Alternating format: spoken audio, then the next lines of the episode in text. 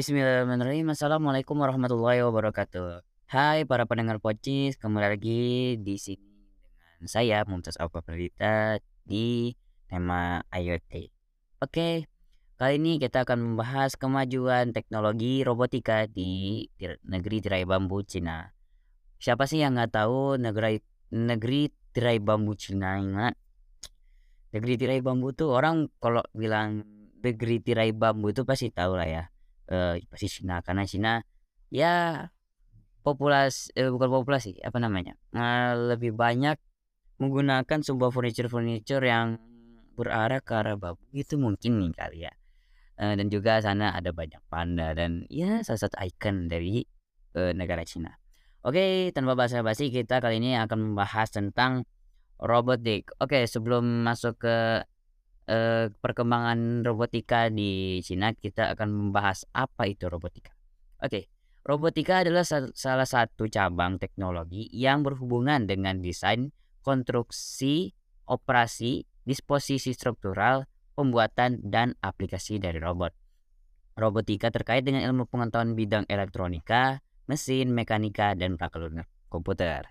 Nah, jadi dalam intinya itu eh, robotika ini untuk membuat sebuah uh, mesin ataupun mekanika dan juga kita di situ uh, lebih ke arah membuat sesuatu yang bergerak gitu karena robotika ini kalau bisa dibilang ya ilmu sebuah ilmu yang bisa membuat memudahkan para penggunanya gitu.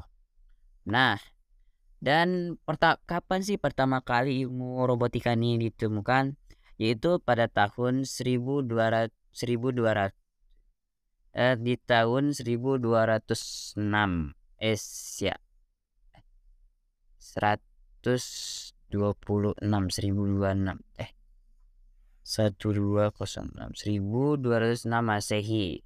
Seorang ah itu ditemukan pada tahun 1206 Masehi, seorang ahli mekanik dari Mesopotamia, eh, Mes Mesopotamia bernama Al-Jasadi membuat robot dari desainnya sendiri.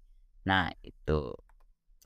Dan robot yang pertama kali dicip diciptakan yaitu adalah dari uh, Ibnu Ismail Al-Jazari yaitu seorang insinyur mekanik Kesultanan Turki dari dinasti Artukid dirangkum dari berbagai eh, dari dinas Artukid. Bernama, bernama lengkap Badi Al-Zaman Al-Dules bin Ibni Al-Arz Al-Jazari. Pada abad ke-12 Al-Jazari memoroleh julukan Bapak Robotika. Nah, jadi itu untuk pertama kali yang eh, diciptakan oleh Ibnu Ismail Al-Jazari. Oke, selanjutnya kita akan masuk ke sesi perkembangan robotika di Cina. Oke, Cina itu sebenarnya udah banyak menunjukkan perkembangan pesat dalam tek dunia teknologinya, ya.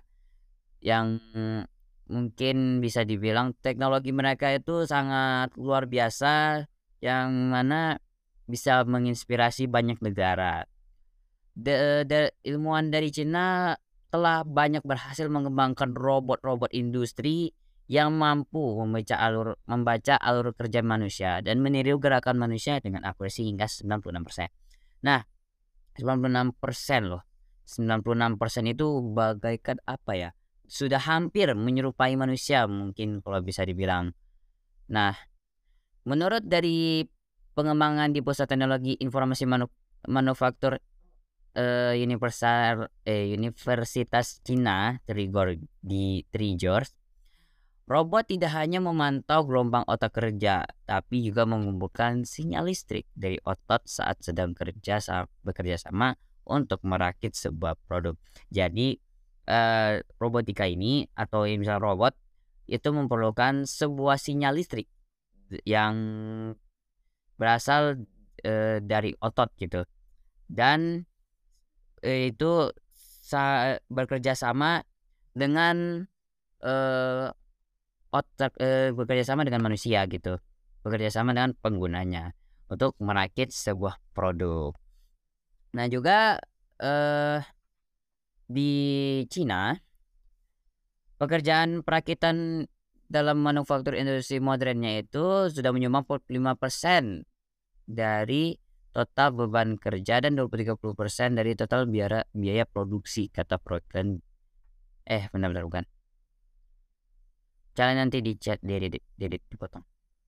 Nah, juga tenaga manusia yang sedang bekerja bekerja sama tenaga manusia yang sedang ber, bekerja sama ah tenaga manusia yang sedang bekerja bersama dengan tidak perlu mengatakan atau melakukan apa pun ketika mereka membutuhkan alat atau komponen.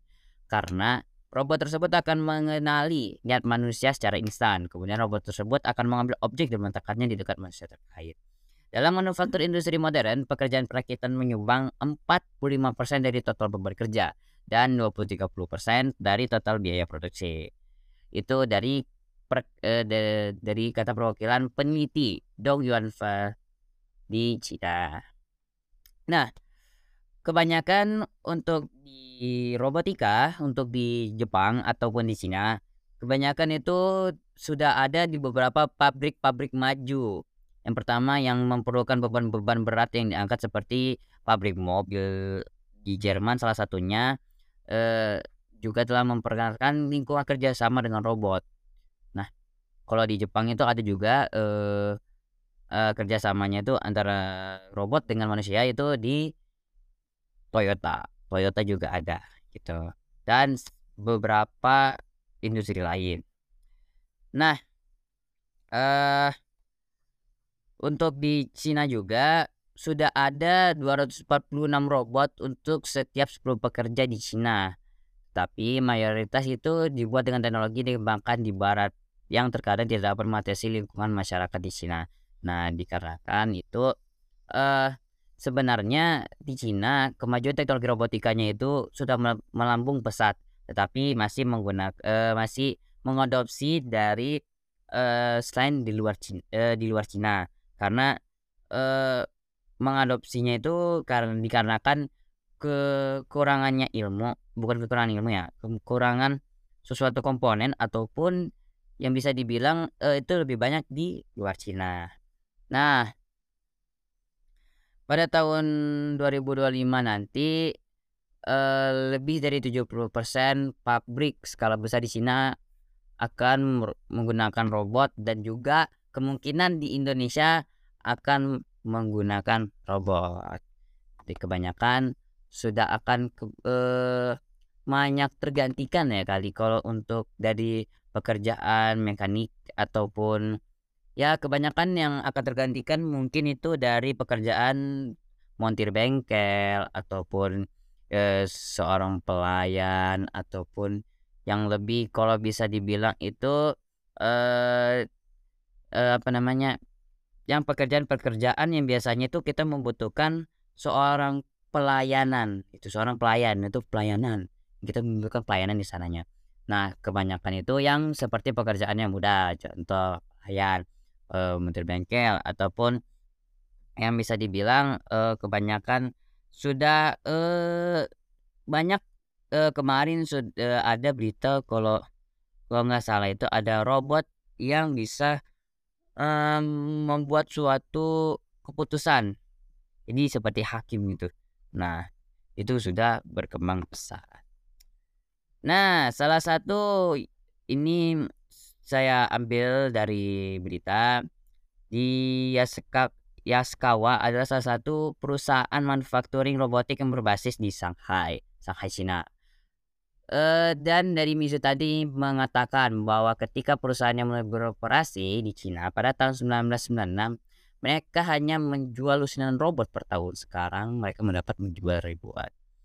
Dulu Cina saat awal-awal mereka tuh ya karena setelah banyak eh, dulu kendala-kendala yang membuat mereka membuat uh, membuat robotika itu sangat susah. Jadi mereka itu uh, membuat robot hanya seberapa seberapa aja karena mereka kekurangan bahan dan mereka juga uh, lebih kekurangan untuk perkembangan ilmunya. Dan menurut dari Federasi Robotik Internasional, pada tahun lalu 23.000 unit terjual di Cina dari robotik-robotik yang sudah dibuat de dari manufacturing Yaskawa. Dan tahun di 2025 ini melihat peningkatan yang cepat di pasaran industri robot di Cina, kata Wah Ziliang. Jadi kebanyakan sekarang industri robot sudah semakin pesat di Cina karena ya banyak eh, penggunanya itu lebih banyak untuk di Cina daripada di eh, negara-negara lain. Dan Wang juga mengatakan industri, di Cina sebelumnya tidak ada antusias dengan proses otomasi. Namun tidak demikian, semakin banyak pabrik menyadari bahwa penggunaan robot tidak hanya meningkatkan kualitas, tapi juga dapat mendongkrak keuntungan. Jadi tidak hanya uh, meningkatkan kualitas dari kinerja kita, tapi membuat kita tuh lebih banyak mendapatkan keuntungan di sektor perdagangan ataupun sektor yang lainnya. Nah, institusi Institut Otomasi Shenyang yang berfokus pada robotik di Cina sudah kebanjiran pesanan robot hingga 2015. Dan Wang menambahkan kuncinya terletak pada meningkatnya upah tenaga kerja di Cina pada tahun-tahun belakang ini. Jadi setelah kinerja eh, pekerja-pekerja di Cina itu sudah banyak eh, peningkatannya upah dari tenaga kerjanya mereka tuh langsung kayak ngepush gitu supaya eh, makanya mereka tuh bisa laju di sektor robotika. Dan salah satunya itu Foxconn salah satu perusahaan manufacturing terbesar di Cina yang juga merakit produk-produk Apple. Yang mungkin kalian tahu lah Apple yang ada boba-boba empat boba-boba tiga lah apa itu lah intinya ya telah menetapkan target untuk menambahkan satu juta robot tahun depan. Itu luar biasa sih. Mereka itu membuat suatu uh, yang bisa dibilang keuntungan yang bisa lebih besar gitu.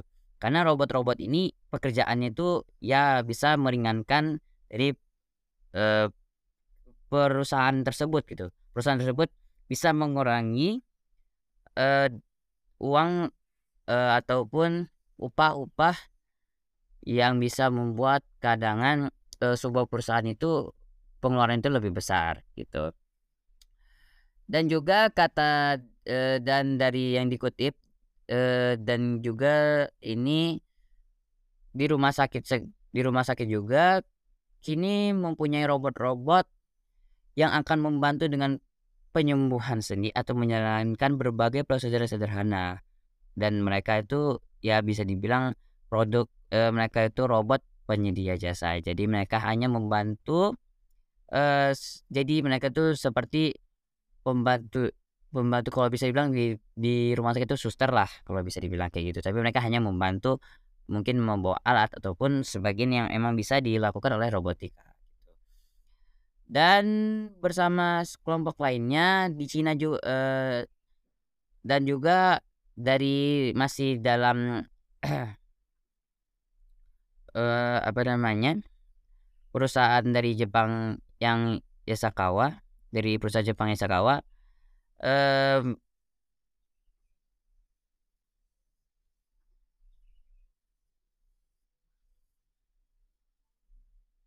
mana sih? Nah, dari uh, Yasakawa, uh, Wang ini bersama sekelompok siswanya mengembangkan robot yang dapat memecah salah satu masalah sosial di Cina. Nah, ini yang seperti saya bilang tadi, yang seperti yang di robot hakim tadi.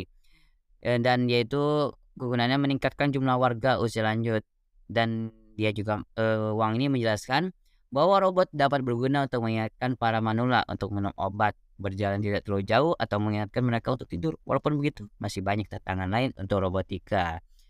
Untuk eh untuk robotik gitu. Gitu. Jadi misalnya kata si Wang ini, jika seorang malam membutuhkan seorang untuk menuangkan mereka segelas air, segelas air, tantangannya saat ini adalah memprogram robot tersebut untuk bergerak di suatu tempat ke tempat lain dan mengangkat gelas. Jelasnya inteligensi buatan artificial intelligence atau ini disebut ya, inteligensi buatan atau disebut artificial intelligence menjadi masih menjadi bagian yang tersulit kata Wang untuk pembuatan robotik seperti kayak, eee, pembantu gitu. Dan eee, Mizutani dari Tahu juga mengatakan, perusahaannya sedang menggarap konsep robot yang dapat membantu warga usia lanjut untuk berbelanja online, menemani dengan bercakap-cakap dengan mereka, atau bahkan untuk memasak. Dan memang di kebanyakan sekarang saat robot dapat merakit iPhone, tugas-tugas yang tersimak sederhana seperti menuangkan segelas air menjadi tantangan bagi para penggemar robot di China itu sangat sulit, teman-teman. Jadi mereka itu eee, walaupun hanya eee, robot tuh kalau untuk rakit-rakit ya gampang saja. Mereka hanya, eee, menggerakkan sesuatu dan tidak ada situ suatu apa ya bisa dibilang, mungkin untuk resikonya itu lebih sedikit untuk merakit sebuah gadget ataupun sebuah alat elektronik gitu. Kalau untuk kemungkinan membantu manusia, mengecas gelas atau apa itu resikonya lebih besar, gitu teman-teman. Oke, mungkin sekian kali ini, eee, untuk membahas tentang teknologi kemajuan eee, kemajuan teknologi robotika di negeri tirai bambu Cina, dan mungkin bisa suatu apa ya bisa dibilang, menjadi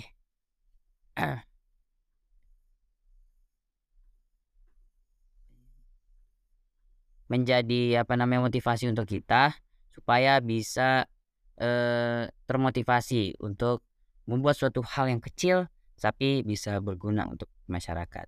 Oke, mungkin sekian dari saya. Saya Mumtaz Aufa Pradita pamit mundur. Wassalamualaikum warahmatullahi wabarakatuh. See ya.